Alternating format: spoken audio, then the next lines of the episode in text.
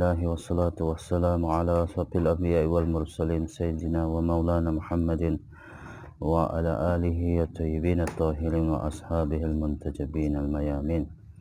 السلام عليك يا رسول الله نبي الله أمين الله وخيارة الله.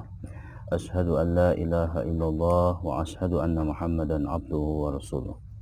سيد الوجود المصطفى صلى الله عليه وآله وسلم. Assalamualaikum warahmatullahi wabarakatuh.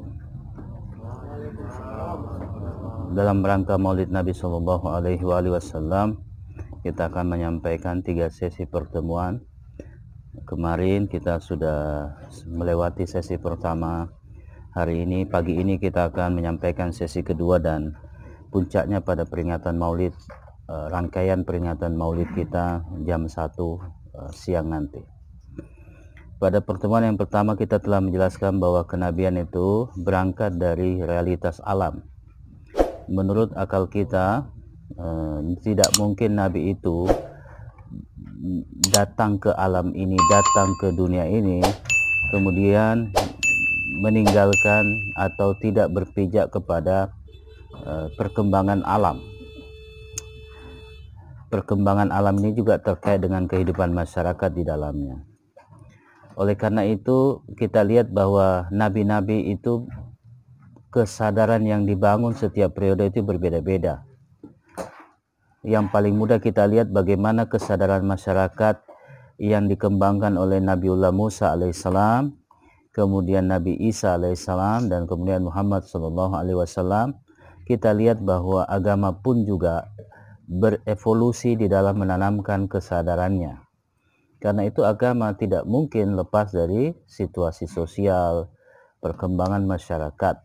Karena uh, ada satu proses yang diabadikan dalam sejarah ketika Quran mengatakan pada hari ini al-yauma akmaltu lakum dinakum wa atmamtu alaikum ni'mati wa raditu lakum islam madina. Artinya sebagai sebuah ajaran uh, hari ini itu pada uh, peristiwa haji wada Nabi Shallallahu Alaihi Wasallam menyampaikan uh, bagaimana pesan uh, terakhir beliau di dalam peristiwa Haji Wada dan bagaimana uh, Islam itu telah disempurnakan pada hari itu yang terkenal dengan uh, peristiwa Haji Wada dan setelah itu ada uh, Wadirkum di situ.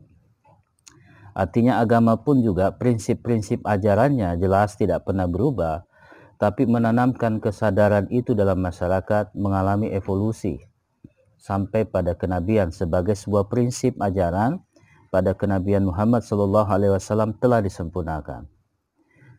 Tantangannya berarti setelah kenabian Muhammad SAW bagaimana menanamkan kembali kesadaran itu. Tetap saja sebuah evolusi, sebuah proses. Karena itu sejarah kita pandang dilihat dalam sisi evolusinya saya sendiri tidak percaya revolusi dalam prinsip kita memahami sejarah. Revolusi itu adalah akibat saja dari situasi atau perkembangan sebuah masyarakat. Karena itu kita melakukan perubahan senantiasa berpijak kepada perkembangan masyarakat. Kalau seandainya Allah menghendaki perkembangan masyarakat itu sejak sudah sempurna sejak awal, maka tidak perlu ada perjalanan kenabian yang begitu panjang sampai 125 ribu nabi yang diabadikan dalam Al-Quran. Ya. Tidak perlu ada tragedi-tragedi besar kalau seandainya itu ingin diselesaikan oleh Allah Subhanahu wa taala sejak awal. Kenyataannya kan tidak. Yang kedua kenyataannya juga ada penentangan-penentangan terhadap ajaran Nabi. Bukti bahwa memang agama itu didatangkan berbasis kepada kesadaran bersandar kepada kebebasan. Maka kita mengatakan kemarin dalam sesi pertama bahwa Nabi bergerak itu sesuai dengan prinsip-prinsip alam. Dalam fasa petuna kita mengatakan kita butuh landasan ilmiah, kita butuh informasi e, primer. Kapan waktunya kita akan menyampaikan, kapan waktunya kita akan bergerak, tentu itu sesuai dengan informasi alamnya dan perkembangan yang ada di masyarakat. Kapan kita akan melakukan sesuatu? Kapan kita akan menyampaikan sesuatu? Kapan kita akan bertindak? Tentu tindakan kita sesuai dengan prinsip-prinsip. Tapi sebuah prinsip tidak bisa ditanamkan begitu saja tanpa sebuah proses penanaman e, kesadaran. Sebagaimana juga manusia dari bayi sampai menjadi dewasa ada proses pemahaman. Dalam kedewasaan kita seperti sekarang ini yang diukur secara fisik balik, itu pun juga kita berevolusi kesadaran kita. Teman-teman juga berevolusi kesadarannya di sini dan bisa jadi nanti akan berevolusi lagi di kesadarannya di tempat lain dengan model pemikiran yang lain. Karena itu kita tidak boleh menghambat perkembangan manusia. Kita tidak boleh menghambat kesadaran manusia. Yang dilakukan ada Nabi adalah menyampaikan saja. Hmm. Jadi hanya menyampaikan. Tugas pokok kita adalah menyampaikan. Orang mau ikut, tidak ikut, kita tidak bisa paksakan karena orang punya tingkat pemahaman, orang punya tingkat kesadaran. Karena Nabi datang dengan prinsip-prinsip pengetahuan prinsip-prinsip kesadaran dan itu berevolusi kesadaran manusia. Nah, kemudian pada sesi yang pertama kemarin kita juga menyampaikan bahwa kalau kenabian datang dengan prinsip alam seperti itu, maka muncullah satu konsekuensi. Berarti alam ini dirancang dengan sebuah tujuan. Apakah tujuan alam itu? Ya tentu kita perlu menganalisis ke mana arah perkembangan alam ini ke mana arah perkembangan sejarah dan ke mana arah perkembangan masyarakat. Itu tidak bisa begitu saja kita menganalisis masyarakat seperti mau kita, seperti kehendak kita. Nabi SAW orang suci dijamin oleh Allah, dia pun menggerakkan masyarakat tidak seperti maunya saja. Ada kearifan, ada pemahaman. Kalau seperti maunya saja, maka Nabi tinggal berdoa kepada Allah. Ya Allah, jadikan masyarakat seperti yang saya kehendaki. Bukankah doanya makbul? Tapi Nabi tidak melakukan itu. Kenapa? Karena ada proses di mana itu tidak bisa dipaksakan. Ada hukum-hukum sejarah, ada norma di dalam uh, sejarah. Karena itu alam mesti kita pahami ke mana arah perkembangan alam itu. Begitu juga di dalam dunia sains, ke mana arah perkembangan sains itu. Semakin kita lihat dunia sains, kita semakin mengerti bahwa sains semakin lama semakin subtil semakin kecil, semakin detail dunia sains itu ya. Saya masih dapat itu komputer yang pakai tabung gede, angkatnya saja berat. Sekarang sudah semakin ringan. Ya, kita pakai eh, model-model teknologi yang lebih canggih lagi, laptop ada yang tidak sampai satu kilo dengan kualitas yang uh, besar. Ya, seperti Apple misalnya kan, kita bisa dapat HP yang begitu kecil seperti iPhone tapi punya teknologi yang begitu canggih. Semakin detail. Dulu kita menyimpan file itu lewat uh, eh, CD, ya, pakai CD, sekarang sudah tidak laku. Kemudian kita uh, pakai flash disk, cenderung sudah tidak laku karena sekarang ada uh, Dropbox, ya, ada Google Drive, semuanya semakin detail informasinya semakin banyak, tapi tempat penyimpanannya semakin ringan, semakin tidak perlu ke mana dibawa, sepanjang kita masih bisa online. Semakin lama dunia sains itu semakin subtil. Perkembangannya adalah nanoteknologi yang menjelaskan bahwa hal-hal yang lebih kecil dari alam ini bisa punya kekuatan yang sangat besar. Ya. Jadi justru yang paling kecil secara substis itulah kekuatan yang paling besar. Itulah dunia dunia sains dengan teknologi Dayanya lebih uh, besar. Sekarang apa yang sulit uh, orang tidak laku lagi mau dengan uh, teknologi sekarang orang tidak perlu lagi beli peta karena sudah ada Google Maps.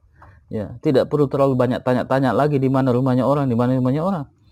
Kurang lebih sekarang sudah begitu cepat, begitu ringan. Artinya kalau kita lihat kecenderungan sains itu lebih memudahkan kita, lebih spesifik, lebih detail. Atau kalau dalam dunia pemikiran, semakin abstrak. Ya. Karena itu dia tidak bisa lagi dilihat dalam panel-panel yang sederhana, tapi dia punya kompleksitas yang begitu uh, detail. Semakin canggih tentu hal-hal yang kita pahami pastilah semakin uh, spesifik. Karena itu dunia sains mengantarkan kita kepada pengetahuan-pengetahuan yang lebih spesifik. Justru menuju ke abstrakannya dia semakin spesifik. Allah itu maha abstrak, Tetapi dia sangat spesifik. Kalau kita minta doa tidak bisa terlalu umum. Harus detail permintaannya. Itu dalam dunia sains. Karena itu Nabi SAW datang berdasarkan realisme seperti itu. Tidak bawa ide-ide dari langit yang begitu saja masuk tanpa ada proses pemahaman dan proses kesadaran.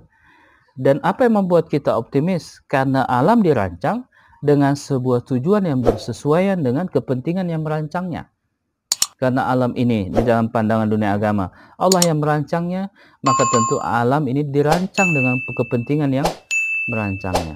Ada kemungkinan membiaskan, ada kemungkinan membelokkan fakta-faktanya. Kita lihat yang membelokkan arah sejarah kemanusiaan. Terlihat perilaku-perilaku zalim dan sebagainya. Tetapi di dalam prinsip kenabian menurut akal harus bisa dipastikan ada yang menjamin sejarah ini. Kalau tidak ada, berarti kita hidup dalam ketidakpastian. Sementara akal kita tidak menghendaki ketidakpastian. Dalam falsafah tuna, selalu yang kita tuntut adalah kepastian. Kalau sebuah kelompok, saya katakan kemarin, kita ada 45, dan 45-nya tidak bisa dijadikan sandaran untuk sebuah berjalannya sebuah sistem, maka kelompok ini sudah tidak bisa diandalkan. Maka minimal harus ada satu yang bisa mempertahankan sistem itu terjamin bisa berjalan. Kalau tidak ada satu, maka semuanya ada ketidakpastian. Itulah kesadaran orang di alam. Orang memerlukan sebuah tatanan. Order itu sebuah kepastian. Orang menolak orientasi yang membuat kita tidak tertata, tidak teratur, tidak tertib. Itu kecenderungan kita. Walaupun kemudian ada kecenderungan-kecenderungan lain yang kemudian mungkin melemahkan kebutuhan kita untuk tertib, untuk sistematik, tapi tetap saja tuntutan kita adalah sistem. Maka alam pada akhirnya disimpulkan bersistem dan Nabi datang bukan di tempat yang kosong, bukan di tempat yang kemudian tidak ada tatanan di dalamnya. Ada tatanan. Dan Nabi datang untuk menggerakkan tatanan itu sesuai yang dikehendaki oleh orang yang mengutus para nabi dan sandarannya selalu adalah kebebasan, kesadaran, pilihan-pilihan orang dan tidak dipaksakan. Karena itu konsekuensinya adalah bertujuan dan pertanyaan tentang tujuan itu pertanyaan dalam semua aspek kehidupan kita. Kita belajar tujuannya untuk apa? Kita kuliah tujuannya untuk apa? Ya. Kita mau menjadi politisi tujuannya untuk apa? Kita tujuan berkeluarga tujuannya untuk apa? Jadi manusia tujuannya untuk apa? Jadi pastilah pertanyaan tujuan itu selalu bermunculan. Dan itu muncul dari mana? Muncul dari keadaan alam. Nah, kalau kita tidak bisa membangun satu keadaan untuk memahami alam, maka pasti kita akan menggerakkan tujuan kita hanya berdasarkan pikiran-pikiran saja, hanya berdasarkan mau kita saja. Ada proses. Mengapa prinsip itu selalu saya tekankan? Ketika kita membangun satu sistem pondok, ada sistem yang saya desain secara umum. Tapi satu bulan kita lihat arah dari kelompok ini ke mana, bagaimana modelnya, bagaimana arahnya. Dan satu bulan cukup informasi untuk kita mengambil langkah awal. Di bulan November kita sudah buat satu sistem yang kita sesuaikan dengan kondisi-kondisi kita selama uh, satu bulan. Itu pun juga kita akan evaluasi lagi di Desember. Itu pun kita akan evaluasi lagi di Januari. Jadi proses evolusi bersandar kepada informasi kemudian kita evaluasi dan kenabian pun juga begitu maka menurut akal harus ada istihad selalu ada sesuatu yang kita munculkan untuk mencoba hal-hal yang bisa menjamin yang selama ini menjadi kendala kemudian kita membuat satu sistem supaya kendala itu bisa bisa diatasi itu realisme kalau tidak kita buat situasi seperti ini maka kita akan sering berlawanan dengan kecenderungan-kecenderungan sejarah. Pada sejarah punya norma, punya kecenderungan. Bisa tetapi berapa lama kecenderungan itu? Karena itu pertanyaan pembahasan yang kedua.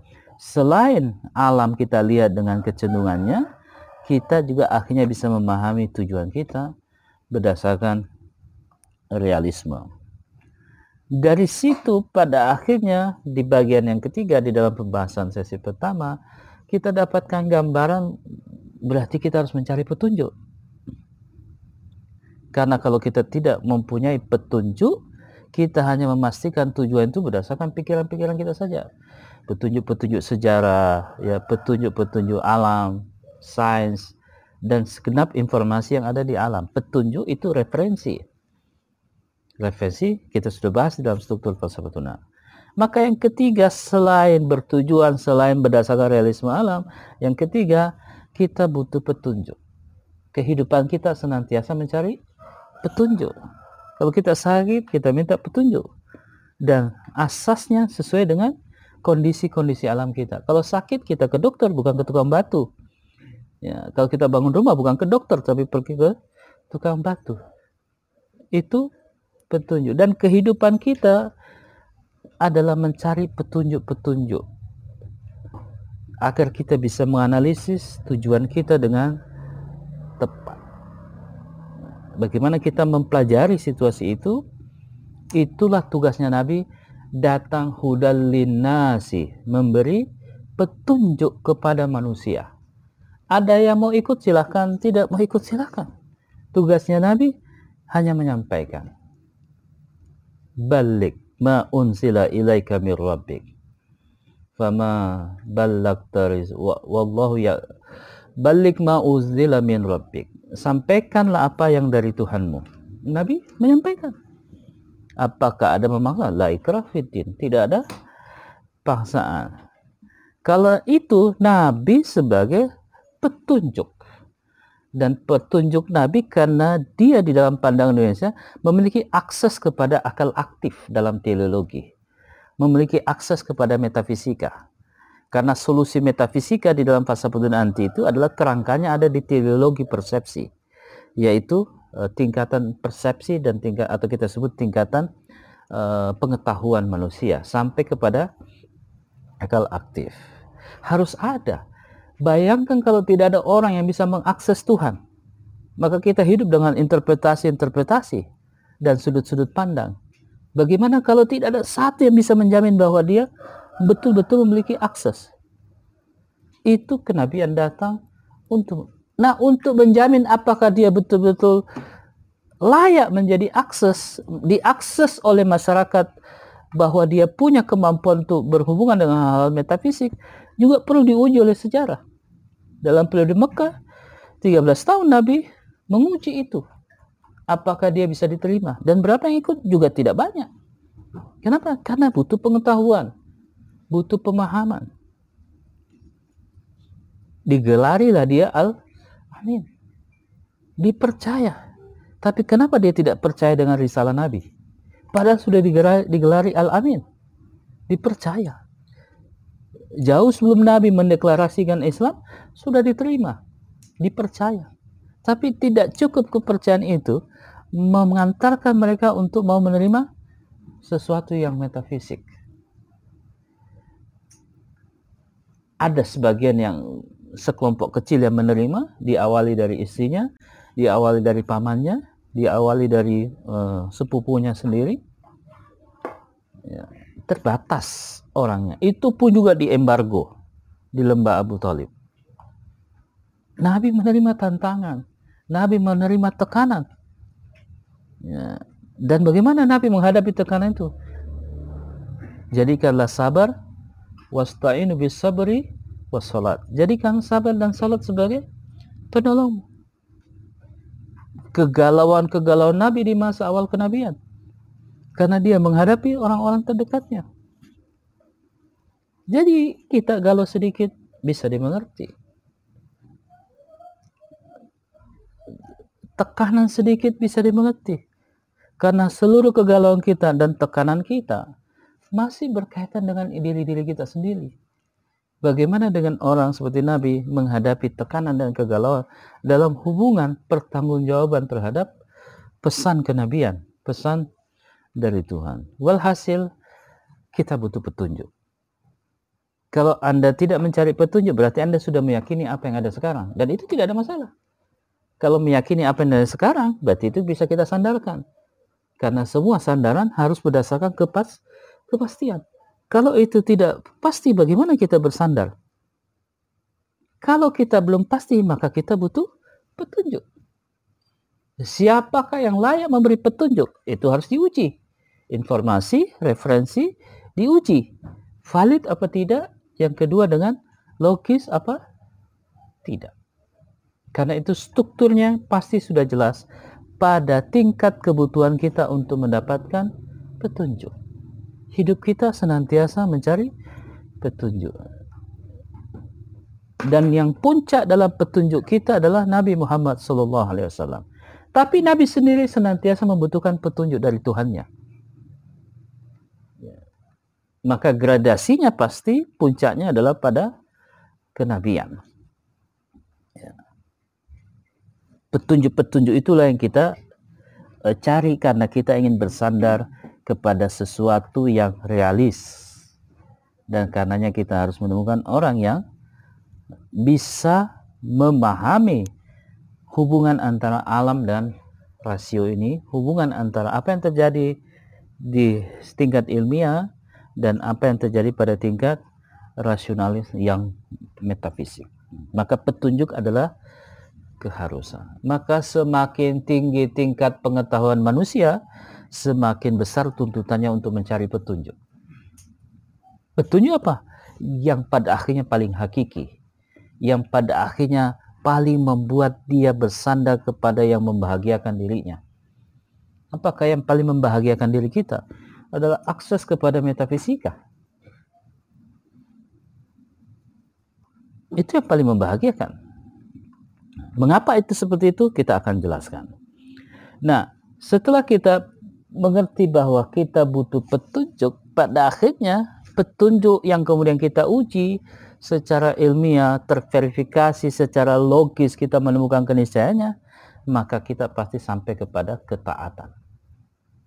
Kalau kita dapat petunjuk bahwa dokter itu layak dan kita uji informasinya, terverifikasi kelayakannya berdasarkan berbagai sumber informasi dan kita nilai secara logis tidak ada yang kontradiktif, maka kita taat kepada dokter itu.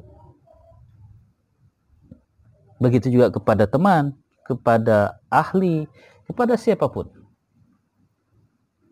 Kalau kita menemukan satu kerangka bahwa petunjuk itu firm dan layak, maka tentu pada akhirnya adalah Allah wa atiur rasul. Taatlah kepada Allah dan Rasulnya. Kalau kita dapat pada analisis kerasulan itu ada ulil amri, maka taatlah kita kepada pemimpin. Karena itu tidak mungkin ada ketaatan kepada Allah tanpa ketaatan kepada Rasul. Setidak-tidaknya di Rasul. Mungkin ulil amri masih terjadi perdebatan di kalangan kaum muslimin. Tapi setidak-tidaknya pada Muhammad Shallallahu Alaihi Wasallam. Maka kerangka berikutnya petunjuk itu mengantarkan kita kepada ketaatan. Itu yang kita bahas pada uh, sesi pertama yang kemarin. Pada pembahasan yang kedua ini, dengan landasan sesi yang pertama, tentu kita harus mengembangkan petunjuk-petunjuk itu agar bisa kita sandarkan sebagai dasar kita untuk taat. Manusia cenderung untuk taat. Manusia tidak cenderung mengingkari. Karena orang yang mengingkari biasanya karena tidak faham. Biasanya karena dia tidak tidak mengerti. Orang mengingkari apa-apa yang biasanya dia tidak mengerti. Maka semakin tinggi pengingkaran orang, ada kecenderungan berbanding lurus semakin tinggi tingkat ketidakfahamannya. Karena pemahamanlah yang mengantarkan kita untuk bersandar. Nah, maka tentu tasawur itu menjadi penting kan untuk kita tasdik. Ya. Dengan begitu ketika kita punya kerangka seperti ini, kita perlu mengembangkan bagaimanakah petunjuk itu kita kembangkan. Bagaimana skema petunjuk di dalam kenabian. Kalau skema petunjuk di dalam pengetahuan ada tasawur, ada tasdik, ada nilai. Kemudian ada penerapan nilai pengetahuan itu dalam dua prinsip. seperti eh, kausalitas dan teori gerak itu dalam struktur pengetahuan. Dalam struktur kenabian ada skema petunjuk itu. Kita lihat analisisnya. Pertama petunjuk itu kita dasarkan pada informasi. Sesuai dengan struktur falsafah tuna ya. Basisnya adalah informasi primer atau landasan ilmiah. Mari kita buka sejarah tentang kenabian apakah Nabi di dalam sejarah itu memiliki peran positif atau dia memiliki peran negatif. Istilah peran positif negatif saya menggunakan istilah Ayatullah Said Mutahari. Apakah di dalam sejarah Nabi itu memiliki peran positif atau justru dalam sejarah Nabi eh, memiliki peran negatif, destruktif, kira-kira begitu. Mungkin kalau istilah lain, apakah Nabi memiliki peran konstruktif atau Nabi dalam sejarah itu memiliki peran destruktif? tentu kita masing-masing bisa menggali informasi seluas-luasnya. Ada berbagai referensi yang bisa kita baca. Kalau kita lihat kecenderungan analisis orang, setidak-tidaknya menurut Mutahari atau saya Mutahari, ada empat model e, cara pandang tentang peran kenabian yang berkembang. Yang melihat Nabi dalam sejarah memiliki peran yang negatif pada akhirnya. Model sejarah pertama memahami kenabian datang untuk memindahkan urusan manusia dari urusan dunia ke urusan langit. Seolah-olah dunia itu eh, tempat yang bisa membuat kita berpaling kepada akhirat. Dunia dalam pengertian ilmiah ya, bukan dunia dalam pengertian kecenderungan. Dunia dalam pengertian ilmiah. Ya. Dalam pengertian ilmiahnya ada yang melihat bahwa Nabi datang mengalihkan dari urusan dunia ke urusan akhirat. Sehingga dikapling-kapling itu urusan ini masalah duniawi, ini masalah akhirat. Ada ya yang memandang kenabian dalam cara pandang seperti itu. Itu yang paling umum bagaimana urusan agama itu hanya urusan-urusan spiritual, metafisik. Tidak ada urusannya dengan hal-hal yang fisika, hal-hal yang saintifik. Asasnya kita sudah mengerti kan dalam bahasa betuna. Pandangan dunia agama ada yang seperti itu. Di dalam aliran pemikiran barat, Marx punya cara pandang juga bahwa agama itu tidak ada bedanya dengan kekuasaan. Agama dibuat untuk menguasai orang-orang yang tertindas. Cara pandang Marx. Sehingga agama diciptakan untuk menindas orang. Itu kecenderungan pandangan kaum Marxis. Karena itu agama adalah ciptaan perselingkuhan antara kekuasaan, pemilik modal, dan agama. Memang ada kenyataan seperti itu. Tapi apakah agama begitu nilainya? Memang kenyataannya ada yang mau mengaitkan membuat satu konspirasi antara agama, kekuasaan dan pemilik modal. Karena ini yang paling efektif sekarang ini kan, menguasai orang itu simpulnya fulus. Yang kedua, masalah-masalah klaim-klaim keagamaan. Dan dia jadi penguasa. Maka penguasa sekarang tampil dalam duit dan tampil dalam simbol agama. Lihat aja pilkada nanti. Sudah akan muncul banyak pakai baju sorban. Ya, akan menggunakan simbol-simbol agama. Tidak perlu lagi dibahas ATM-nya, duitnya. Dan itu tampil dia sebagai penguasa yang tiba-tiba menggunakan simbol agama. Tampil dengan wajah religiusnya dan modal. Itu bisa dimengerti secara politik. Apa niatnya kita tidak tahu. Tapi memperlihatkan kepada kita bahwa analisis Marx itu ada fakta-faktanya berdasarkan informasi. Dan kemudian ada menafsirkan kenabian dalam model seperti itu. Ada Tapi fakta yang memperlihatkan berbeda. Nabi sampai akhir hayatnya tidak punya kekuasaan harta. Tidak punya kekuasaan harta. Miskin. Sayyidah Hadijah yang begitu kaya raya, meninggalnya tidak punya apa-apa. Kain kafannya itu dari sorban bekasnya Nabi Kalau memang tendensinya kapitalisasi tidak terbukti pada diri Nabi. Mungkin Marx tidak lihat itu. Atau mungkin punya sumber yang berbeda. Nabi tidak punya alat-alat alat-alat produksi yang menguasai orang. Tidak, tidak meninggalkan apa-apa. Untuk kehidupan dia secara pribadi, tidak ada. Kalau kemudian dia punya warisan kepada anaknya, itu adalah urusan ayah dengan ibu. Tapi dalam warisan kenabian, tidak menunjukkan itu. Ya. Itu yang pertama, sederhana dan tidak menunjukkan bahwa Nabi membawa simbol-simbol uh, kemewahan. Yang kedua dalam masalah kekuasaan. Nabi bisa menjadi figur yang mempersatukan orang yang berbeda-beda melalui konstitusi Madinah. Bisa.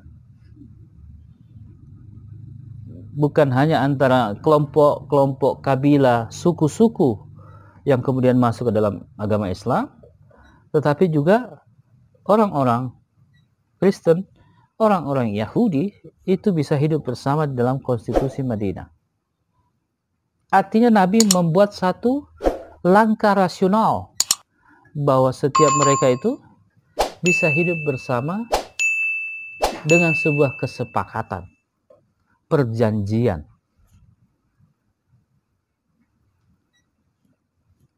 Artinya tidak ada upaya untuk menguasai dan mendominasi kelompok atau agama tertentu. Yang dikhawatirkan kan adalah pemahaman bahwa Islam untuk menguasai bahwa sejarah ada yang mengembangkan Islam dengan watak kekuasaan itu tidak bisa kita bantah. Tapi kita punya informasi yang menjelaskan dalam sudut pandang yang berbeda. Karena itu Marx ada fakta-faktanya tetapi tidak mewakili keseluruhan informasi yang kita punya. Yang kedua ada model pandangan seperti Nietzsche. Ya. Yang melihat kenabian itu sebagai cara orang lemah ya, sebagai cara orang-orang tertindas bisa keluar dari situasinya maka dia butuh agama. Kita harus terima kemiskinan sebagai takdir dari Tuhan. Itu nasib kita. Ya. Lebih baik kita kaya hati daripada kaya harta. Padahal tidak ada orang yang melarang kaya harta. Tidak ada ajaran agama yang melarang kaya harta. Tapi sering kali idiom-idiom seperti itu. Yang penting kaya hati, tidak perlu kaya harta. Yang dimaksud kaya itu apa? Kaya itu bukan punya sesuatu yang lebih. Kaya itu dengan cukup dengan apa yang dia punya. Kalau kaya dari segi material tidak akan ada pernah cukupnya karena orang punya kecenderungan untuk terus memenuhi apa yang menjadi imajinasi-imajinasi hasad-hasadnya. Ada model pandangan saja dan itu saya kira juga ada benarnya, tapi tidak mewakili keseluruhan dari informasi yang kita uh, punya. Itu cara pandang Nietzsche. Ada cara pandang sejarah yang keempat. Yang modelnya pada awalnya kenabian itu berperan positif, seluruhnya sudah dibangun, dan setelah kenabian, wafatnya Nabi, tidak perlu lagi ada tuntutan seperti itu dan dibebaskan kembali kepada masyarakat dan peran kenabian itu sudah selesai. Ya. Kalau Muhammad SAW sudah selesai, sudah meninggal. Tapi apakah peran kenabian itu akan berhenti? Dengan prinsip yang kita bahas tadi. Alam, bertujuan, kemudian eh, apa namanya petunjuk, kemudian ketaatan. Itu kan struktur dasar dari kenabian ya. Apakah sekarang kita ini betul-betul tidak butuh petunjuk lagi? Kalau masih butuh petunjuk berarti kita ada tuntutan untuk mempelajari prinsip kenabian. Apakah ada tuntutan kita untuk taat? Oh, problem kita adalah ketaatan. Murid taat kepada gurunya, dosennya, kemudian anak taat kepada kedua orang tuanya, dan seterusnya. Itu yang kita tuntut kan? Kita taat kepada kedua orang tua kita. Itu bukan masalah yang mudah sekarang Ada kecenderungan anak-anak sekarang ini dianggap tidak gampang taat karena kita maunya modelnya seperti dulu. Di mana kalau kita batu saja anak kita sudah diam. Kita baru muncul depan bapak kita baru kelihatan kita sudah tiba-tiba sudah mundur semua. Ya. Itu dulu. Anak-anak sekarang tidak. Semakin kita kasih tahu, semakin ngeyel, semakin protes, semakin kritis. Maka semakin besar tuntutan kita untuk membuat mereka semakin paham. Kalau dulu dengan kekuasaan seorang orang tua dia bisa mendeterminasi anak sudah lebih mandiri, lebih kritis. Dia sudah mengerti semakin banyak. Maka tentulah prinsip kenabian lebih sangat dibutuhkan tingkatannya sekarang ini. Kalau ada nabi, apakah ada jaminan orang taat? Pada zaman nabi, banyak orang yang tidak taat kepada nabi. Nah sekarang tidak ada nabi sama sekali. Secara fisiknya sudah meninggal. Kemungkinan orang semakin taat, tidak taat, besar peluangnya. Tapi peluang untuk orang taat juga lebih tinggi. Kenapa? Yang diandalkan pemahaman sudah. Tapi bagaimana pemahaman kita bersambung kepada kenabian? Kita akan melihat dengan cara pandang seperti apa. Maka pastilah kebutuhan kita kepada kenabian lebih tinggi sekarang ini di dalam prinsip-prinsip akal kita. Kalau orangnya sudah tidak ada, khatamun nabiyyin sudah ditutup. Yang ditutup itu apa? Sudah tidak ada lagi nabi. Yang ada mengaku nabi sekarang tidak mungkin kita terima. Karena dalam keyakinan kita, Quran sudah mengatakan sudah selesai. Tidak ada lagi pengakuan tentang siapa nabi. Sekarang kebutuhan kita adalah memahami kenabian itu agar prinsip itu terus berjalan dalam sejarah. Namanya apa? Sistem. Untuk apa? Membuat masyarakat semakin lama semakin mandiri.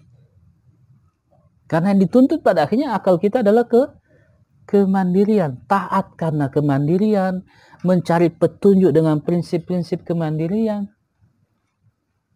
Tidak ikut-ikutan, tidak terhegemoni, tidak terdoktrin dan sebagainya. Oleh karena itu pastilah kita menuntut penjelasan yang lebih elaboratif tentang karakteristik petunjuk kenabian.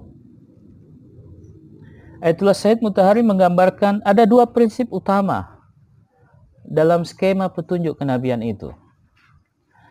Uh, Ayatullah Said Mutahari menyimpulkan itu di dalam Al-Quran. Berdasarkan informasi yang kita punya, setidak-tidaknya apa yang saya yakini dalam sejarah, misalnya informasi, perjuangan sosial Nabi itu kesimpulannya adalah keadilan. Melawan para penindas.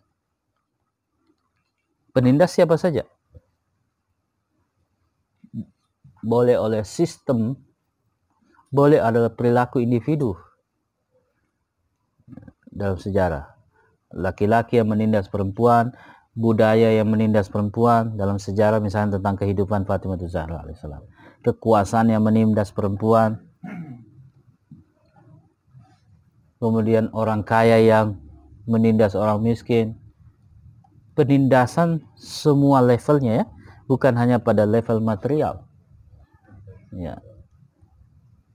Level budaya, level cara pandang, yang ditekankan Nabi dalam peran kenabian tidak seperti empat penjelasan yang tadi yang menganggap bahwa Nabi datang hanya untuk memindahkan urusan kita ini supaya berpaling kepada dunia spiritual berpaling kepada metafisika meninggalkan dunia fisika atau berpaling kepada akhirat meninggalkan uh, urusan dunia kita. Begitu juga yang mengatakan bahwa agama ini Nabi datang bawa agama untuk menguasai orang-orang yang miskin. Berselingkuhlah agama itu dengan kekuasaan dan pemilik modal. Atau seperti kata Nietzsche itu dibuat untuk membuat orang-orang miskin ini semakin tidak berdaya untuk membuat mereka ini men, tidak apa namanya maaf agama datang untuk membuat orang miskin ini menjadi sadar bahwa kebutuhan dan tuntutan mereka untuk uh, bisa selamat dari kondisi mereka dibuatlah agama bahwa itu diambil hikmahnya eh, dibuatlah kita mengerti bahwa ini adalah sebuah takdir dan sebagainya Nietzsche melihat dalam sejarah ada seperti itu.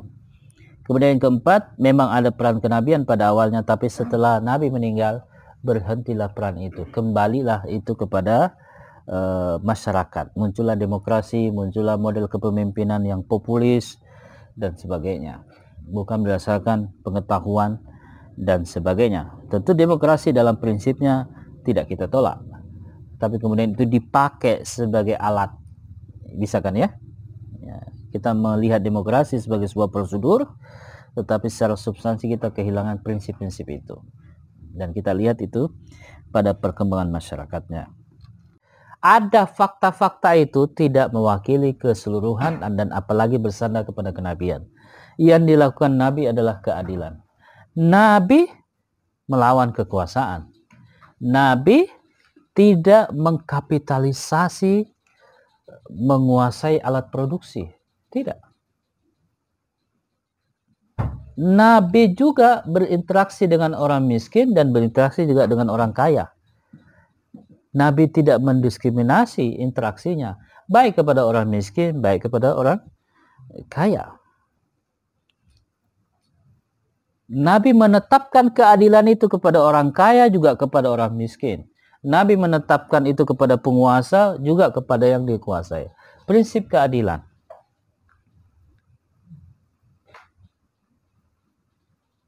Kita bisa lihat fakta-fakta itu bagaimana Nabi menegakkan prinsip keadilan. Satu di dalam masalah kekuasaan. Kita lihat itu. Kekuasaan terancam pesan-pesan kenabian itu di di di apa namanya di dihambat. Ya, kemudian dipersekusi. Di embargo nabi. Kenapa kira-kira ya? Tidak mungkin itu dilakukan tanpa sebuah kepentingan untuk menghambat misi utama nabi yaitu keadilan. Dia rahmatalil alamin. Bukan hanya bicara untuk umat Islam, untuk kelompok agama Islam, tapi buat semuanya.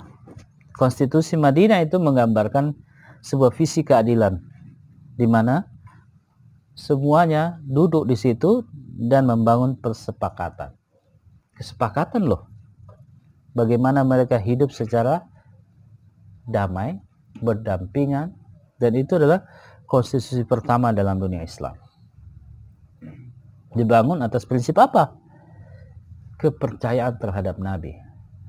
Kalau bukan karena trust, tidak mungkin bisa ada proses seperti itu. Nah, oleh karena itu, secara sosial, misi agama yang utama, tujuan utama kenabian secara sosial ini adalah keadilan. Karena keadilan melingkupi semuanya. Tidak terkait dengan agama tertentu, mazhab tertentu, kelompok kabilah tertentu, budaya tertentu, masyarakat tertentu, atau jenis kelamin tertentu. Kita bisa lihat itu persoalan-persoalan keadilan. Ini tugas pokok kenabian, tujuan utama uh, kenabian. Diutus untuk itu. Adapun metodenya itu masalah yang lain. Metodenya tentu akhlak. Akhlak itu evolusi ya. Kalau Nabi datang untuk hukum semata, maka kita tidak melihat evolusi. Sedangkan Nabi datang untuk menyempurnakan akhlak. Ada evolusi moral. Karena tidak ada artinya hukum kalau tidak ada evolusi moral, akhlak. Kita buat hukum terus, menghukum terus, tanpa ada proses penyempurnaan akhlak. Maka hukum, kerjanya hukum itu hanya menjadi uh, eksekusi tetapi tidak membangun spirit dari hukum. Sholat itu wajib, kita eksekusi karena kewajiban. Tapi kalau moralnya ada, maka kita bergerak atas dasar moral dari sholat itu. Apa itu? Mencegah dari perbuatan keji dan mungkar. Maka secara hukum kita sholat untuk mencapai moralnya itu. Supaya apa? Tidak berbuat keji, tidak berbuat ke kemungkuran, mungkaran. Itu moral. Hukumnya yang penting sudah sholat, bebas sudah. Tapi membunuh Imam Ali juga sholat. Ya, yang koruptor di Indonesia ini juga sholat. Haji. Hukum. Artinya secara hukum dia telah menjalani hukumnya. Pastilah punya nilai tertentu di hadapan Allah Subhanahu wa taala, tapi secara sosial moralnya kan karena itu ada yang disebut persoalan individu ada persoalan individu ada persoalan sosial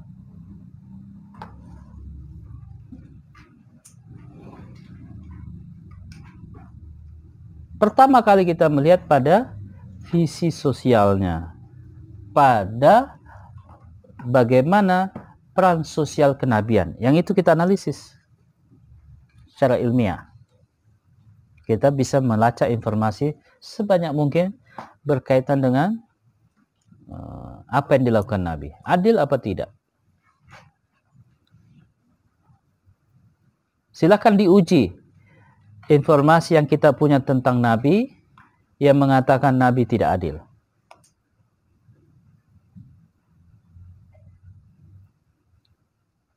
Nabi tidak bisa menguasai alat produksi bisa, istrinya kaya raya. Tapi Nabi perilakunya sebagai manusia sering lapar. Nanti nanti jawabannya kayak Felix. Nabi sering lapar, kita kan bukan nabi, jadi lebih baik kita kenyang. Hmm, kan logika sudah pakai begitu. Ya.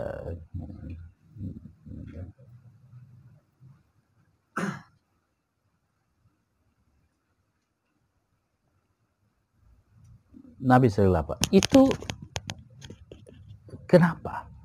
Karena problem sosial orang sering kali berpaling kepada individu. Orangnya seperti apa? Nabi terapkan itu pada dirinya. Dia menggerakkan untuk memberi makan orang miskin, tapi dia sendiri hidup dalam keadaan yang pas. Tapi dia tidak punya masalah dengan kemiskinannya. Kalau kita menggerakkan orang untuk tidak miskin, tapi kita sendiri miskin, dan kita punya masalah dengan kemiskinan kita. Sedangkan dia tidak punya masalah karena dia cukup. Dengan itu. Dia tidak butuh yang lebih dari itu. Cukup. Nah, karena itu peran sosial kenabian kita lihatnya pada indikasi keadilan. Apakah memang ada kerangka penindasan yang dilakukan oleh Nabi? Yang mana penindasannya? Benarkah Nabi memaksakan orang untuk beragama? Pernahkah orang Nabi kita melihat menghina orang lain yang tidak mau ikut kepada ajarannya? Allahumma di la ya'lamun. Sesungguhnya dia tidak tahu. Kalau kemudian ada orang memaksakan, Nabi menghadapinya. Ada perang Badar, ada perang Hunain, ya, ada uh, perang apa namanya? Perang Parit itu apa? Perang Handak dan seterusnya. Artinya ada juga usaha yang dilakukan Nabi pada tingkat seperti itu perang. Kapan perang itu terjadi? Bagaimana itu bisa terjadi? Itu juga harus kita gali. Apakah perangnya Nabi itu untuk menguasai atau perang Nabi itu dalam proses untuk mempertahankan diri? Apakah perang Nabi itu dalam rangka mencaplok kekuasaan orang lain yang hidup dengan kehidupan mereka secara damai atau karena ada prinsip-prinsip keadilan yang mereka letakkan yang kemudian ditentang oleh Nabi.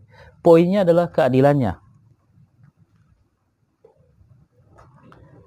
Dan seterusnya dan seterusnya. Itu yang pertama yang harus kita lihat bahwa uh, ada keadilan. Bahwa Nabi datang untuk menegakkan keadilan secara sosial ya. Kenapa kira-kira? Karena dia pemberi petunjuk, dia harus memastikan bahwa petunjuk itu jelas. Tidak boleh ada orang menindas orang lain. Dan penindasan itu skalanya bukan skala material saja. Hegemoni itu bukan hanya hegemoni material. Hegemoni itu bukan cara pandang produksi saja, tapi juga ada hegemoni pemahaman. Ya. Ada dominasi pemahaman. Semuanya dibuat secara terbuka. Hegemoni macam-macam, budaya, hegemoni suku, berdasarkan sentimen etnisitas dan seterusnya. Nabi datang untuk itu, keadilan. Yang kedua, Nabi memperkenalkan Tuhan.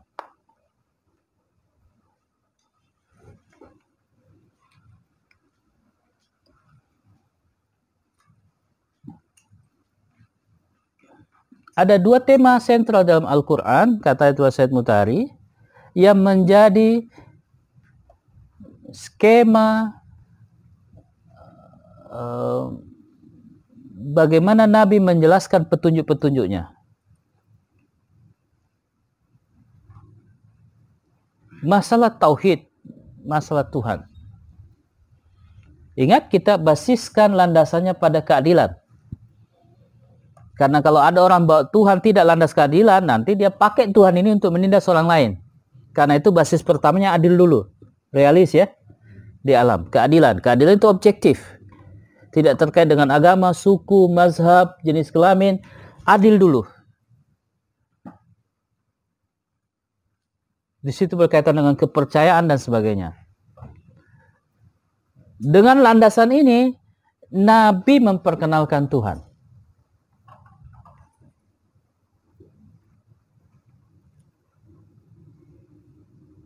Jadi kalau kita lihat kerangkanya, kita rubah seperti ini. Karena kita realis ya. Dari alamnya, ya, Nabi datang untuk menegakkan keadilan. Ingat, Nabi tidak datang di ruang yang kosong. Nabi datang dalam ruang sejarah yang sudah penuh dengan dinamika.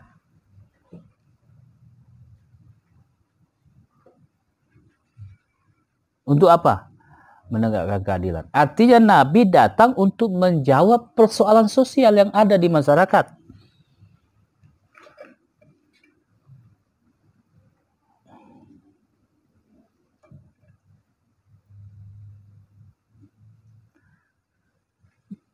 Dengan ini kemudian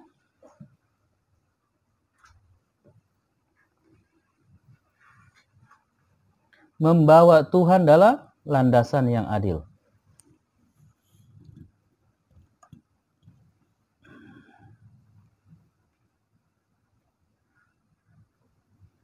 Sederhananya saya bilang begini.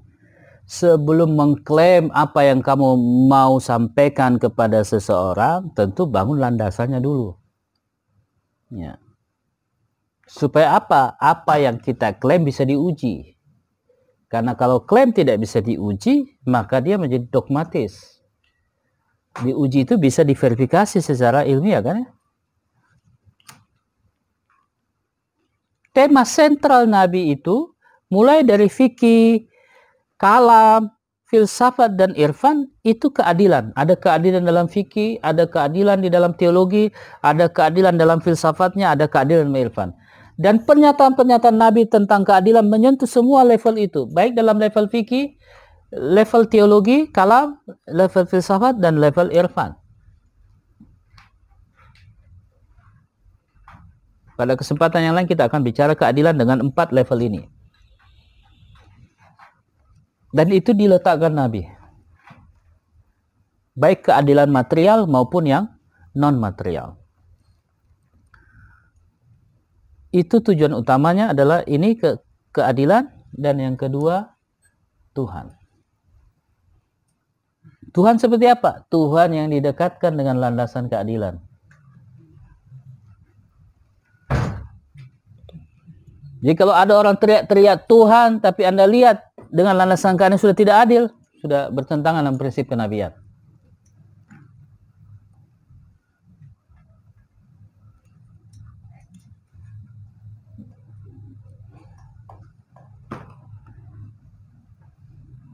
Jadi bagaimana kita melihat wajah agama? Ada dua prinsipnya dalam kenabian. Pertama keadilan yang terejawanta yang kita lihat secara sosial. Yang kedua bagaimana tauhid diletakkan dalam landasan itu. Gampangannya ya ajak aja orang kepada Tuhan tapi letakkan pondasi keadilannya. Karena ini nanti bisa dimanipulasi kan? Dan itu yang dikritik oleh Marx kan? Itu yang dikritik oleh Nietzsche kan? kritik itu punya informasi, punya data, tapi juga kita punya informasi yang menjelaskan bahwa ada informasi yang berbeda. Jadi bisa lain, bisa jadi Charles Hebdo ini juga lahir karena satu kepentingan yang lain yang tidak berdasarkan informasi yang terverifikasi. Dan itu terjadi juga di Eropa ya, yang katanya intelek. Tapi informasinya masih sebatas ISIS, informasinya masih sebatas kelompok-kelompok pemenggal kepala hanya itu padahal dia lupa cucu Nabi juga dipenggal kepalanya oleh kelompok yaitu yang juga mengatasnamakan Islam. Kok dia tidak bisa baca itu Imam Hussein? Cerita Imam Hussein diceritakan bukan hanya orang-orang Islam diceritakan oleh Anna Marisimel diceritakan oleh banyak orang dikabarkan tentang banyak orang bahwa ada pemenggalan di dalam dunia Islam oleh orang Islam sendiri beragama Islam sendiri. Dari mana sebabnya itu? Jadi keadilan bukan terbatas kepada masalah agama. Keadilan ini objektif. Karena di dalam agama, sesama agama ada orang membunuh orang lain karena perlawanan terhadap ketidakadilan. Dan Sayyidina Husain di Karbala menunjukkan itu. Imam Ali menunjukkan itu. Dan ini semua adalah pasca kenabian kan? Maka dua tujuan utama dari kenabian sesuai dengan evolusinya meletakkan keadilan. Kemudian yang kedua, mentransformasikan tauhid dengan landasan ini. Sederhananya, dekatkanlah Tuhan kepada masyarakat dengan keadilanmu dekatkanlah Tuhan kepada masyarakat dengan keadilan. Keadilan ini realitas.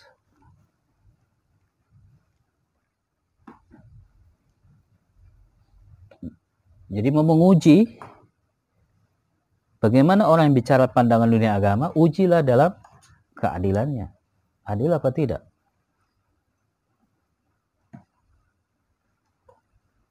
Lawannya zalim.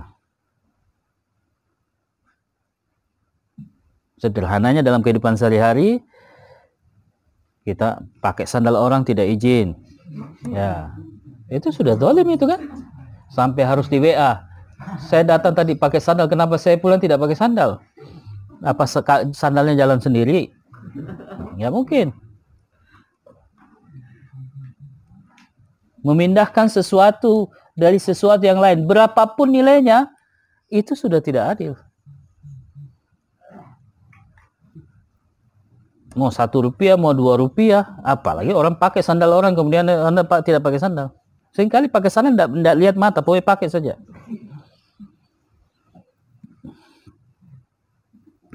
Kata Imam Ali alaihi salam roti yang ada pada semut saja saya tidak mau mengambilnya.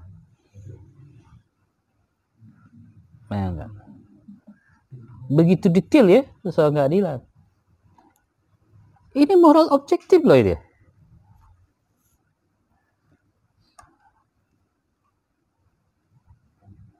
Adillah pada tubuh kita. Jangan dipaksa dia. Kalau dia harus istirahat, dia harus istirahat. Jangan ikuti mau kita. Realis kan? Kalau kita tahu informasinya bahwa tubuh kita sudah bekerja cukup lama, dan kalau kita teruskan kita akan kekurangan waktu untuk istirahat, maka kita harus istirahat. Itu adil level yang sederhana sampai keadilan yang irfani. Ini keadilan yang sederhana. Dan Rasul harus menunjukkan itu. Karena kalau tidak ada yang menunjukkan itu, siapa yang kita sandarkan? Apalagi kalau kita bilang manusia tempatnya salah.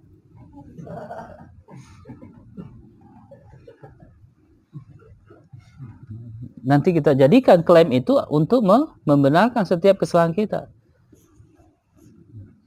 Tolong dimaafkan Kanda. Karena Kanda kan sebagaimana manusia lain bisa salah. Masalahnya kenapa salah-salah itu tidak bisa dipelajari? Kenapa harus selalu terjadi? Dan seterusnya.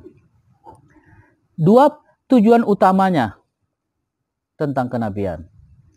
Meletakkan keadilan dan mentransformasikan Tuhan, Tauhid, yang dilandasi pada prinsip keadilan.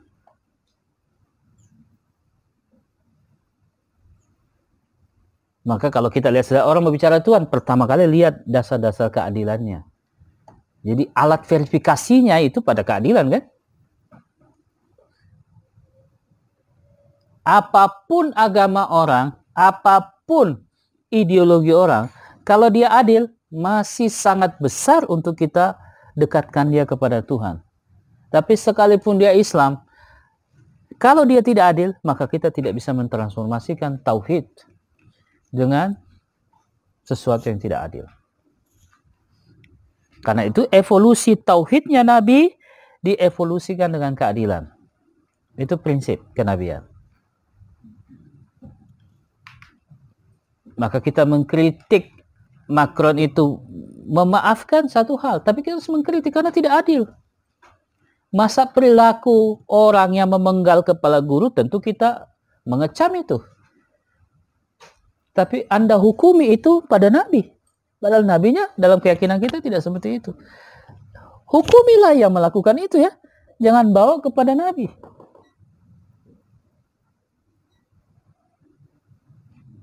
Kalau anaknya berlaku zalim, jangan dihukumi orang tuanya. Hukumilah yang zalim itu. Begitu cepat Anda menghukumi orang tuanya. Dan seterusnya. Nah, skema itu pada petunjuk kita melihat pada asas keadilan dan tauhid dan kerangkanya tauhid yang ditransformasikan oleh nabi diletakkan dengan landasan keadilan. Maka kalau kita bilang, dari mana kita memulai skema petunjuk itu? Bangunlah asas-asas keadilan. Kepada siapa saja. Karena itu objektif. Dan objektifikasi keadilan ini akan menjadi landasan dari transformasi tauhid. Yang kalau tauhid itu dipandang sebagai satu yang subjektif, maka tauhid yang subjektif itu diletakkan dalam kerangka keadilan. Nabi menjelaskan tujuan utamanya, misi utamanya dalam kerangka ini. kita orang suruh sholat, ya silakan. Tapi bagaimana orang yang sholat itu adil? Ya. Jangan sampai dia sholat terus, diabaikan tanggung jawabnya. Mana sholat? Tanggung jawabnya, eh. Ini menghadap kepada Tuhan ini penting. Ya tentu penting, tapi kalau ada yang dizalimi,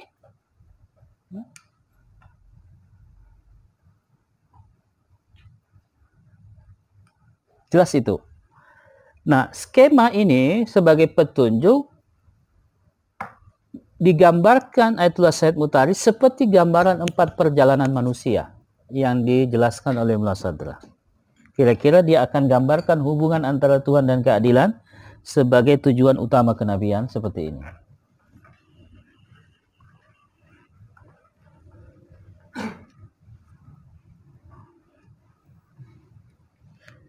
Ini Muhammad Sallallahu Alaihi Wasallam. Informasi ilmiahnya kita bisa cari.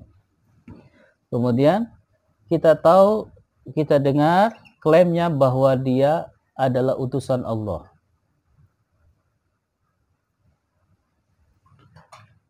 Informasinya begitu ya.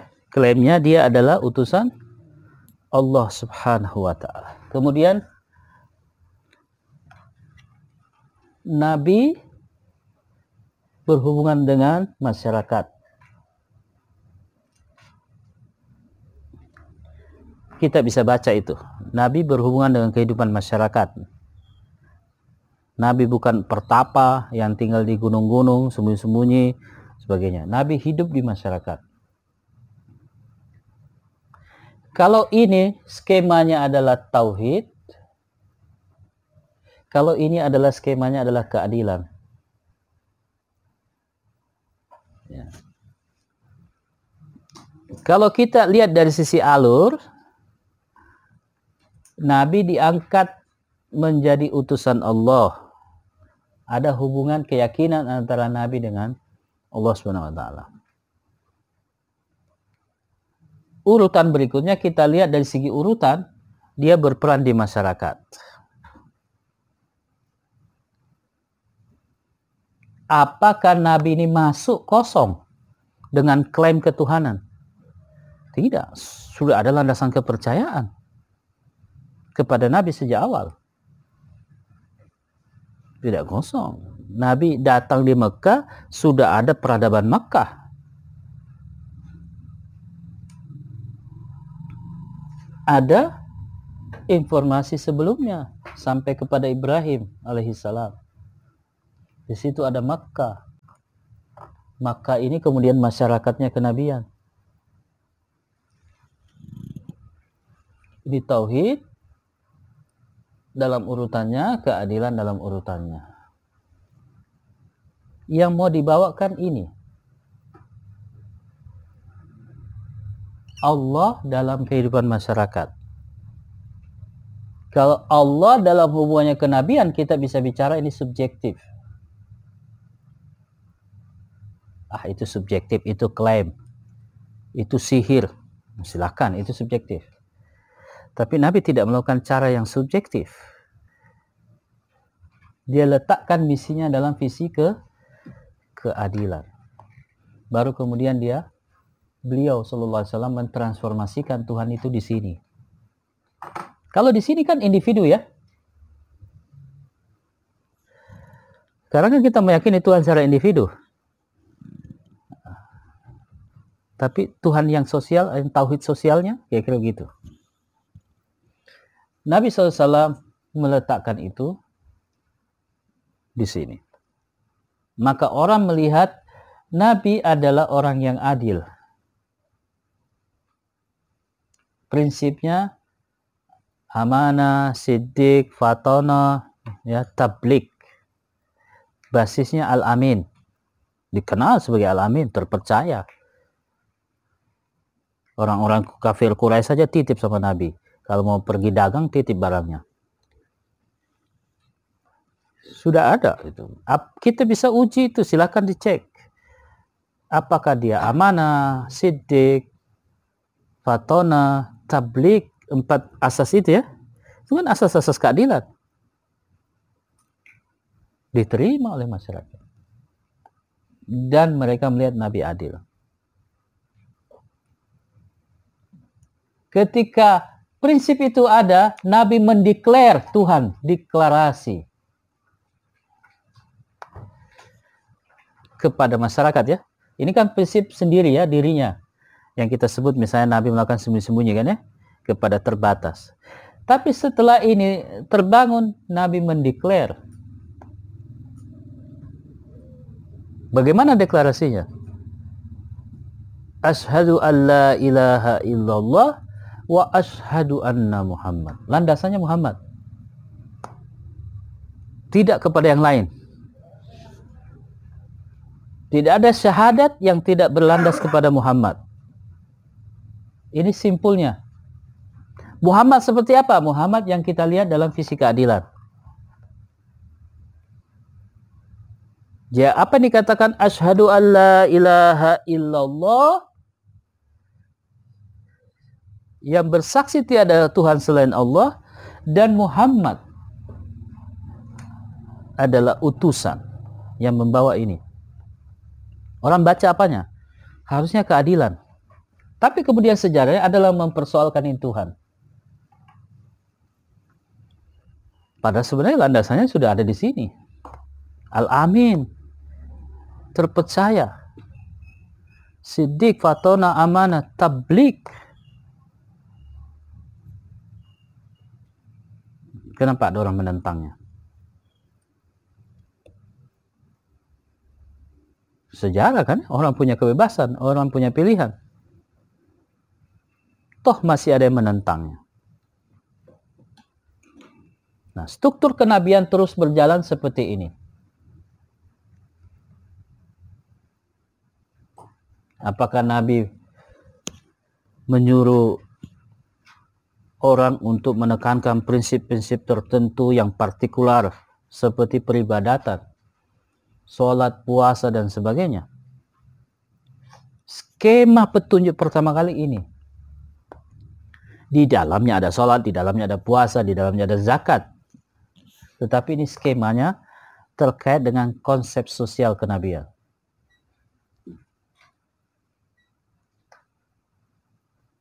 Jadi kalau kita sekarang ingin mengakses metafisika, kalau menunjukkan menunjukkan petunjuk kenabian adalah bangunlah dengan keadilan. Kita letakkan keadilan itu dalam hidup kita. Kalau kita bicara skema sosialnya ya. Kalau kita bicara skema individunya, kita bisa memahamkan orang terhadap Tuhan secara teoritis, secara akal, secara mandiri. Kita bisa jelaskan. Tapi ujian dari keyakinan itu pada akhirnya kan di sini keadilan. Mana yang jauh lebih realis?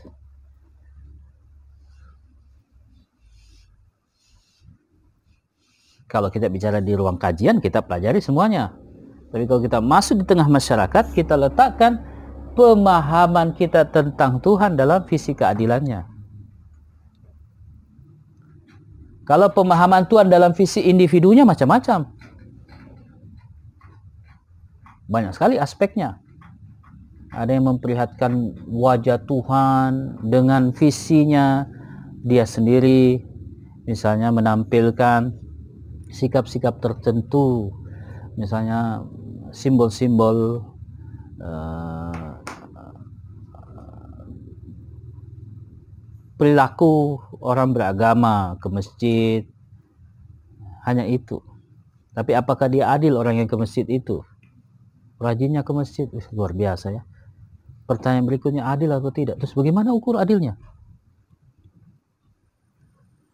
Iya dia lewat ke masjid itu. Banyak orang miskin di sekitarnya. Dia lewati itu orang miskin pergi ke Tuhan. Adil apa tidak itu? Nah, kira-kira itu ilustrasinya ya pergi ke masjid. Oh, bangunannya masjid 2 miliar. Ada orang tidak punya rumah di sampingnya.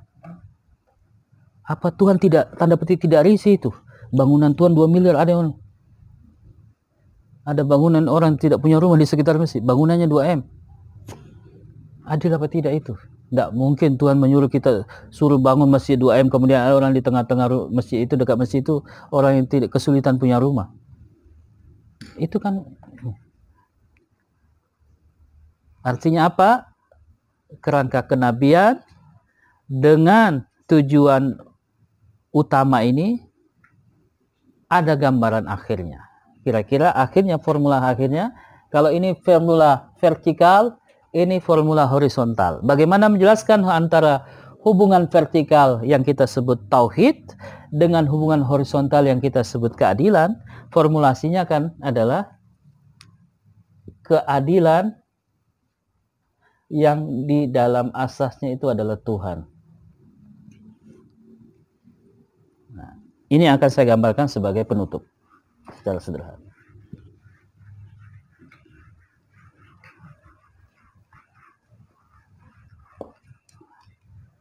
Muhammad sallallahu alaihi wa alihi wasallam meletakkan tauhid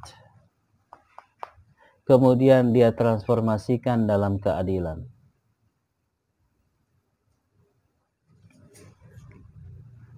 Ya. Keadilan ini di masyarakat. Tauhid itu di dalam dirinya, individunya. Ini pertama, kemudian ini skema kedua.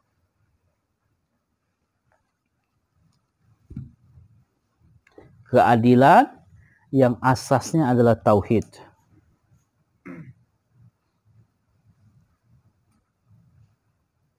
Jadi yang tampak di permukaan itu Tuhan di dalam wajah keadilannya. Ya. Itu yang tampak di masyarakat. Ashadu an la ilaha illallah wa ashadu anna Muhammad. Karena kita hanya bisa memverifikasi pada di sini kan. Bagaimana memverifikasi Tuhannya Muhammad? Ketika Muhammad bersyahadat ashadu an la ilaha illallah aku bersaksi tiada Tuhan selain Allah. Kemudian dia bersaksi pada dirinya, Muhammad adalah utusan Allah. Perspektif kenabian adalah utusan ya. Ya, kalau ashadu alla ilaha illallah itu dia dengan Tuhannya. Wa ashadu anna Muhammadar Rasulullah. Muhammad adalah utusan. Di sini kenabian.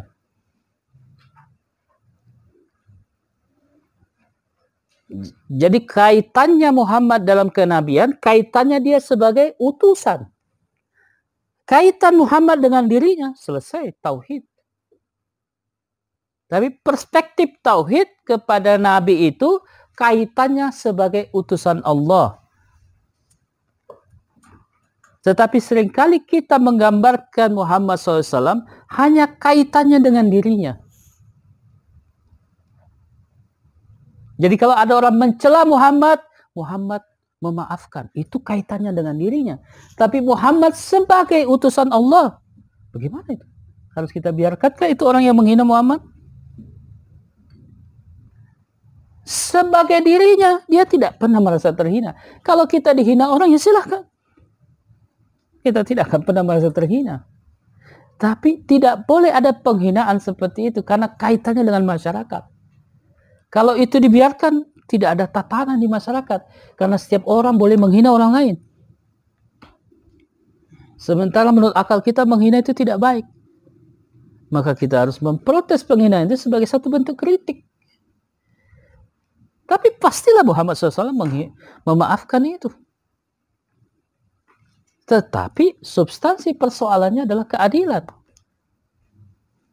Adil tidak orang yang menggambarkan Muhammad seperti itu.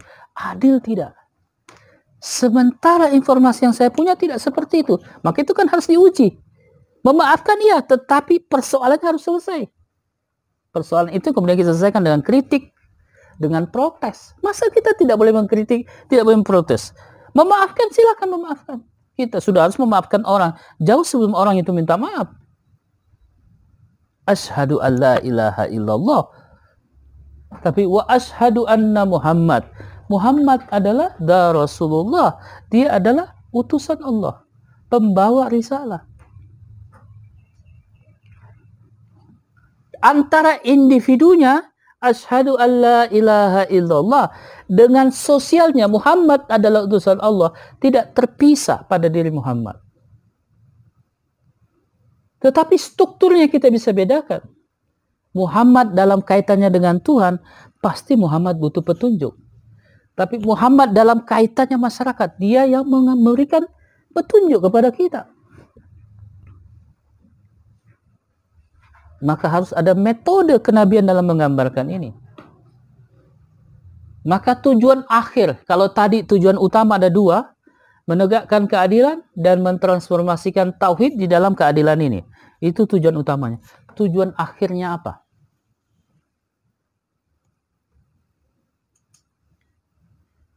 Kalau kita lihat skemanya satu dan dua. Dan kemudian ada hubungan antara satu dan dua ini.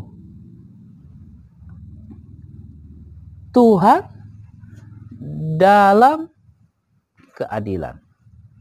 Orang menangkap keadilannya, tapi kita menerapkan keadilan itu dalam landasan tauhid kita. Artinya apa?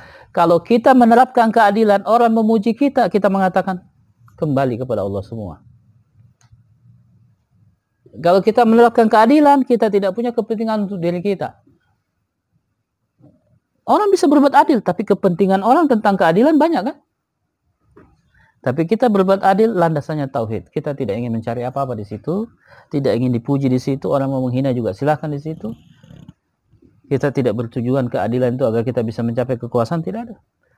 Tujuan kita meletakkan landasan keadilan hanyalah tauhid. Bersandar kepada Tuhan. Jadi apa yang kita cari dalam berbuat keadilan ini? Masyarakat. Padahal kita menerapkan keadilan di masyarakat. Tapi apakah kita bertujuan di masyarakat? Tidak. Kita bertujuan kepada Tuhan.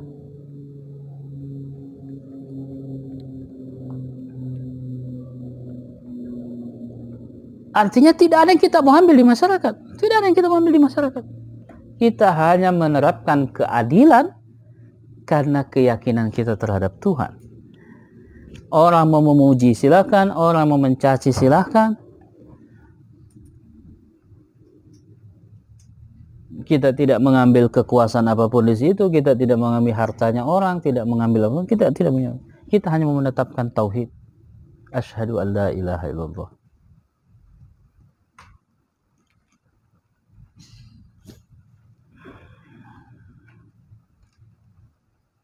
Jadi keadilannya dilandaskan kepada prinsip tauhid.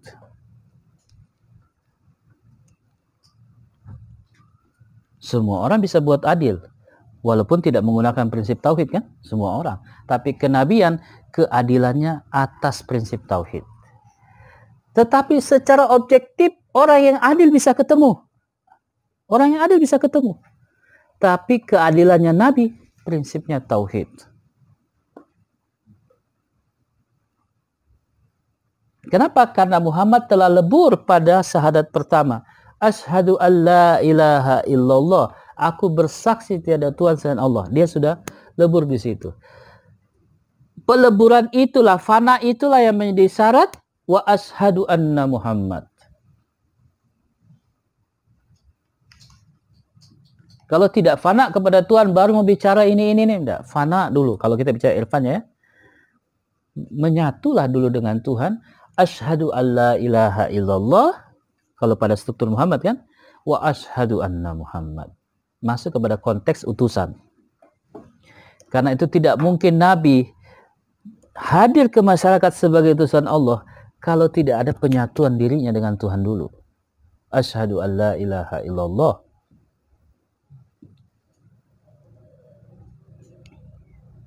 Karena kalau tidak ada landasan penyatuan dengan Tuhan, masuk di keadilan, semua bisa masuk di situ kepentingan. Tapi orang bertemu atas nama keadilan. Semua orang bisa berbuat adil. Apa pun agamanya kan bisa bertemu. Tapi keadilannya Nabi landasannya adalah tauhid. Tauhid itu hanya untuk dia, kembali kepada dia. Tidak mau mengambil apa-apa untuk di situ. Apa yang mau diambil? Tidak ada untuk dirinya. Semuanya untuk masyarakat. Apa bukan ini sosialisme religius? Ada sosialisme model Marx, tetapi kita tidak tahu bagaimana basis dia dengan Tuhan. Tapi kan bisa ketemu dengan sosialisme ini kan? Semuanya untuk kepentingan itu. Keadilan sosial. Tapi landasannya yang problematik, yaitu tauhid maka skemanya dari Tuhan masuk kepada Muhammad sallallahu alaihi wasallam kemudian sebagai individu ya turun kepada masyarakat dengan keadilan. Keadilan inilah yang kembali kepada Tuhan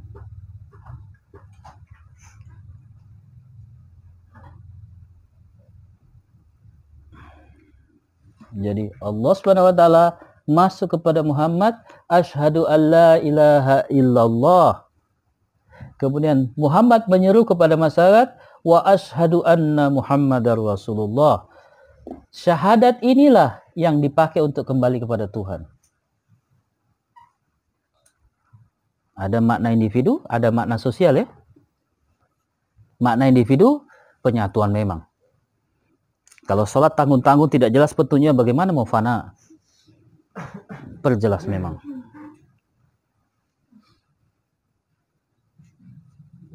Baru kita menangkap kenabian dalam perspektif utusan Allah. Ada yang mengembangkan kenabian hanya dalam perspektif sufisme spiritual. Tidak. Kita menangkap Muhammad dalam perspektif spiritual, filosofisnya, tetapi tidak bisa kita lepaskan perspektif sosialnya. Muhammad Rasulullah, utusan Allah. Dan karena itu seluruh filsafat, keyakinan spiritual atau apa pun masuk ke masyarakat. Untuk apa? Kita kembali kepada Tuhan bersama masyarakat ini. Tidak ada orang kembali sendiri-sendiri. Kalau individu sendiri-sendiri, dewe-dewe. Tapi nanti dia kembali secara moral.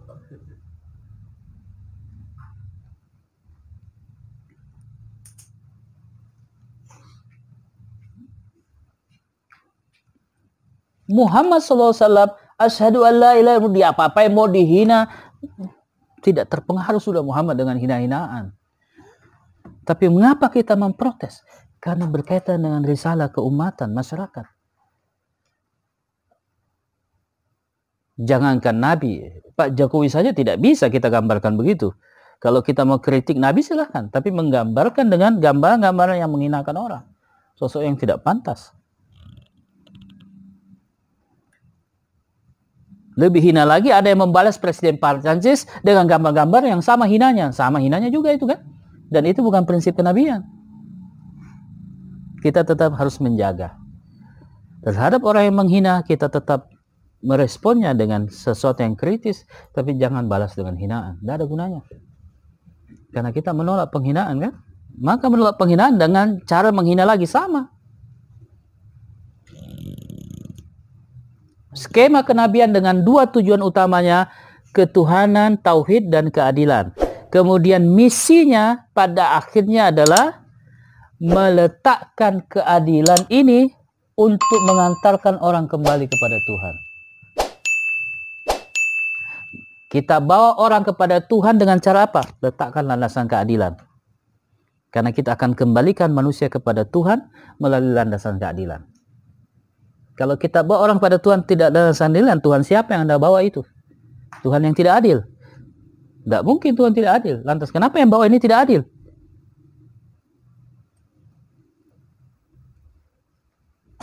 Maka tidak mungkin pencuri membawa kita kepada Tuhan. Tidak mungkin penjahat membawa kita kepada Tuhan. Sekalipun penjahat itu bisa bicara Tuhan. Sekalipun Tuhan itu bisa menulis risalah-risalah tentang Tuhan yang luar biasa tapi kita mau manusia yang mengembalikan kepada Tuhan dengan keadilan. Dan prinsip ini kenabian harus ada. Maka siapa yang bisa membawa kepada kenabian, carilah orang-orang yang adil itu. Kita bisa berkumpul dengan orang beda agama, tapi tidak mungkin kita berkumpul dengan orang yang zalim. Kita masih bisa berkumpul dengan orang beda agama. Apa pun agamanya kita bisa hidup damai. Itu konstitusi Madinah. Sudah diselesaikan oleh Nabi kan? Tugas kita sekarang adalah hidup untuk membangun keadilan. Kita dari Tuhan, kita dari Tuhan, dan kembali kepada Tuhan. Kembalinya lewat masyarakat. Karena perspektif kenabian sebagai utusan Allah Subhanahu wa taala. Kalau kita dari Tuhan kembali ke Tuhan tidak melalui keadilan di tengah masyarakat, maka kita hanyalah asyhadu alla ilaha illallah, tidak wa asyhadu anna Muhammad Rasulullah. The philosophy of religion sekarang hanya bicara Tuhannya saja, tidak ada perspektif kemanusiaannya. Manusia sendiri-sendiri. Kenabian ini menjelaskan kemanusiaan dengan prinsip tauhid. Bahwa antara kemanusiaan dengan ketuhanan tidak bisa dipisahkan humanisme barat mungkin memisahkan. Mungkin Pak Rocky menganggap sila pertama dan sila kedua itu terpisah. Tapi dalam prinsip filsafat sila pertama dan sila kedua tidak mungkin terpisah. Karena asas manusia itu adalah prinsipnya tauhid dan dia akan kembali kepada Tuhan lewat kemanusiaannya. Dan kemanusiaan inilah yang berevolusi kan? Anda bawa Tuhan orang kepada Tuhan tidak mengevolusikan kemanusiaan orang. Di sinilah Nabi berevolusi di masyarakat dengan menegakkan prinsip-prinsip keadilan. Mahal tidak ini dakwah? Tidak perlu pakai gedung. Tidak perlu. Dakwah ini tidak mahal dalam pengertian material. Tidak ada. Eh, kita butuh uang ini uang bodoh. Di mana meletakkan keadilan? Ya sudah hidup di mana di rumah tangga, hidup di masyarakat adil. Itu mau bikin gerakan Islam ini. Eh, ini bantu ini gedung 10 tingkat. Terlalu mahal. Tidak pakai biaya Nabi begini. Bangun kehidupan kita dengan perspektif keadilan kan? Hidup bertetangga kita berusaha meletakkan perspektif keadilan. Hidup dalam rumah tangga berhubungan keadilan. Orang tidak adil kepada kita itu urusan orang, tapi kita tetap harus adil.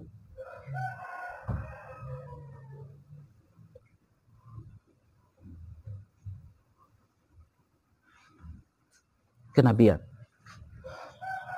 Kalau ada orang dakwah belum apa-apa mikir gedung, belum apa fasilitas. Jakfi hanya butuh spidol papan tulis, kemudian kita letakkan apa yang kita tulis ini pelan-pelan pada hidup kita. Dan kita menjalankan prinsip kenabian itu. Pada realisme kita. Kalau kita sebagai anak, berarti kepada orang tua kita. Sebagai teman, kepada teman kita. Kepada tetangga, kita dengan sebagai tetangga dengan tetangga kita, kepada pasangan dengan pasangan kita, kepada anak dengan anak kita. Butuh gedung? Butuh tempat-tempat mewah? Tidak. Realis. Efektif. Transformatif. Praktis tidak ada hambatan. Kenapa tidak ada hambatannya ya? Satu, karena kita pasti seorang anak dan kita punya ibu, punya ayah, letakkan prinsip keadilan. Pasti kita punya teman, setidaknya minimal satu atau dua. Letakkan prinsip keadilan kepada satu dua teman kita. Kita seorang pekerja, letakkan prinsip keadilan dengan teman kita sesama pekerja. Kita seorang majikan, letakkan keadilan dengan orang yang kerja sama kita. Realis kan? Keadilan itu. Jauh tidak? Dekat sekali. Keadilan itu keseharian. Tidak mewah. Tapi memang untuk membangun keadilan mewah. Kenapa? Karena orang keluar dari garis kenabian. Nabi sederhana seperti ini. Saya mau bikin gerakan sosial. Jauh sekali. Sudah mau menikah? Menikah mau dulu. Ada ibu mau berlaku baik kepada ibu. Jauh sekali. Apakah kenabian itu idealistik? Idealistik? Enggak ada gitu. Ini realis. Apa itu? Bangun prinsip-prinsip keadilan. Kepada tetangga, kepada teman kita, kepada ayah ibu kita. Keadilan ya. Keadilan. Prinsip keadilan. Kita kita berbuat adil. Sekalipun orang tidak berbuat adil kepada kita, kita tetap adil. Orang menghina kita, tetap kita harus memuliakan orang. Mau kritik, kritik. Tidak ada kebencian saya sama Macron. Kalau Macron datang, kita salaman, kita senyuman. Charles Hebdo yang menuliskan kata ya kita salaman kenapa? Kita kritik-kritik. Karena kita harus berbuat adil. Kau Anda perilaku satu dua orang memenggal guru, seorang guru yang ada di Prancis, kau Anda hinakan Nabi. Dalam keyakinan Nabi saya tidak seperti itu. Nabi penuh kasih sayang. Mana seperti itu? Berarti Anda bukan hanya menyerang dia, menyerang saya juga dong. Dan saya wajib mengklarifikasi. Anda mau setuju silakan, tidak setuju juga silakan. Ini hak saya untuk berpendapat. Masa kita tidak boleh berpendapat, dia boleh berpendapat? Adil apa tidak itu? Kita memaafkan, kita tidak berpendapat. Maafkan, tapi kita harus berpendapat. Bahwa itu tidak benar, itu tidak boleh. Kalau kita sudah kasih tahu berkali-kali, kita boikot. Itu hak saya untuk memboikot. Kita kita udah kasih tahu. Memboikot itu bukan merusak. Kita tidak boleh merusak barang Prancis. Tidak boleh. Ini barang haram dibanting. Tidak boleh. Sekedar kita tidak boleh makan. Sama dia kalau kita mau beli di warung-warung tetangga, beli, boykot Indomaret, boleh saja.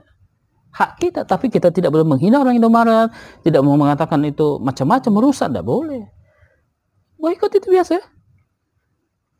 Ada teman kita begini-begini, kita boykot. Boykot apa? Kita diamkan dia beberapa hari. Boykot namanya, boleh saja. Supaya dia ngerti bahwa dia salah. Boleh dong. Masa tidak boleh? Ada boleh mengkritik dan sebagainya. Prinsip kenabian buat saya uh, realis. Itu yang bisa saya sampaikan insya Allah. Nanti kita akan tutup di sesi yang ketiga. Assalamualaikum warahmatullahi wabarakatuh.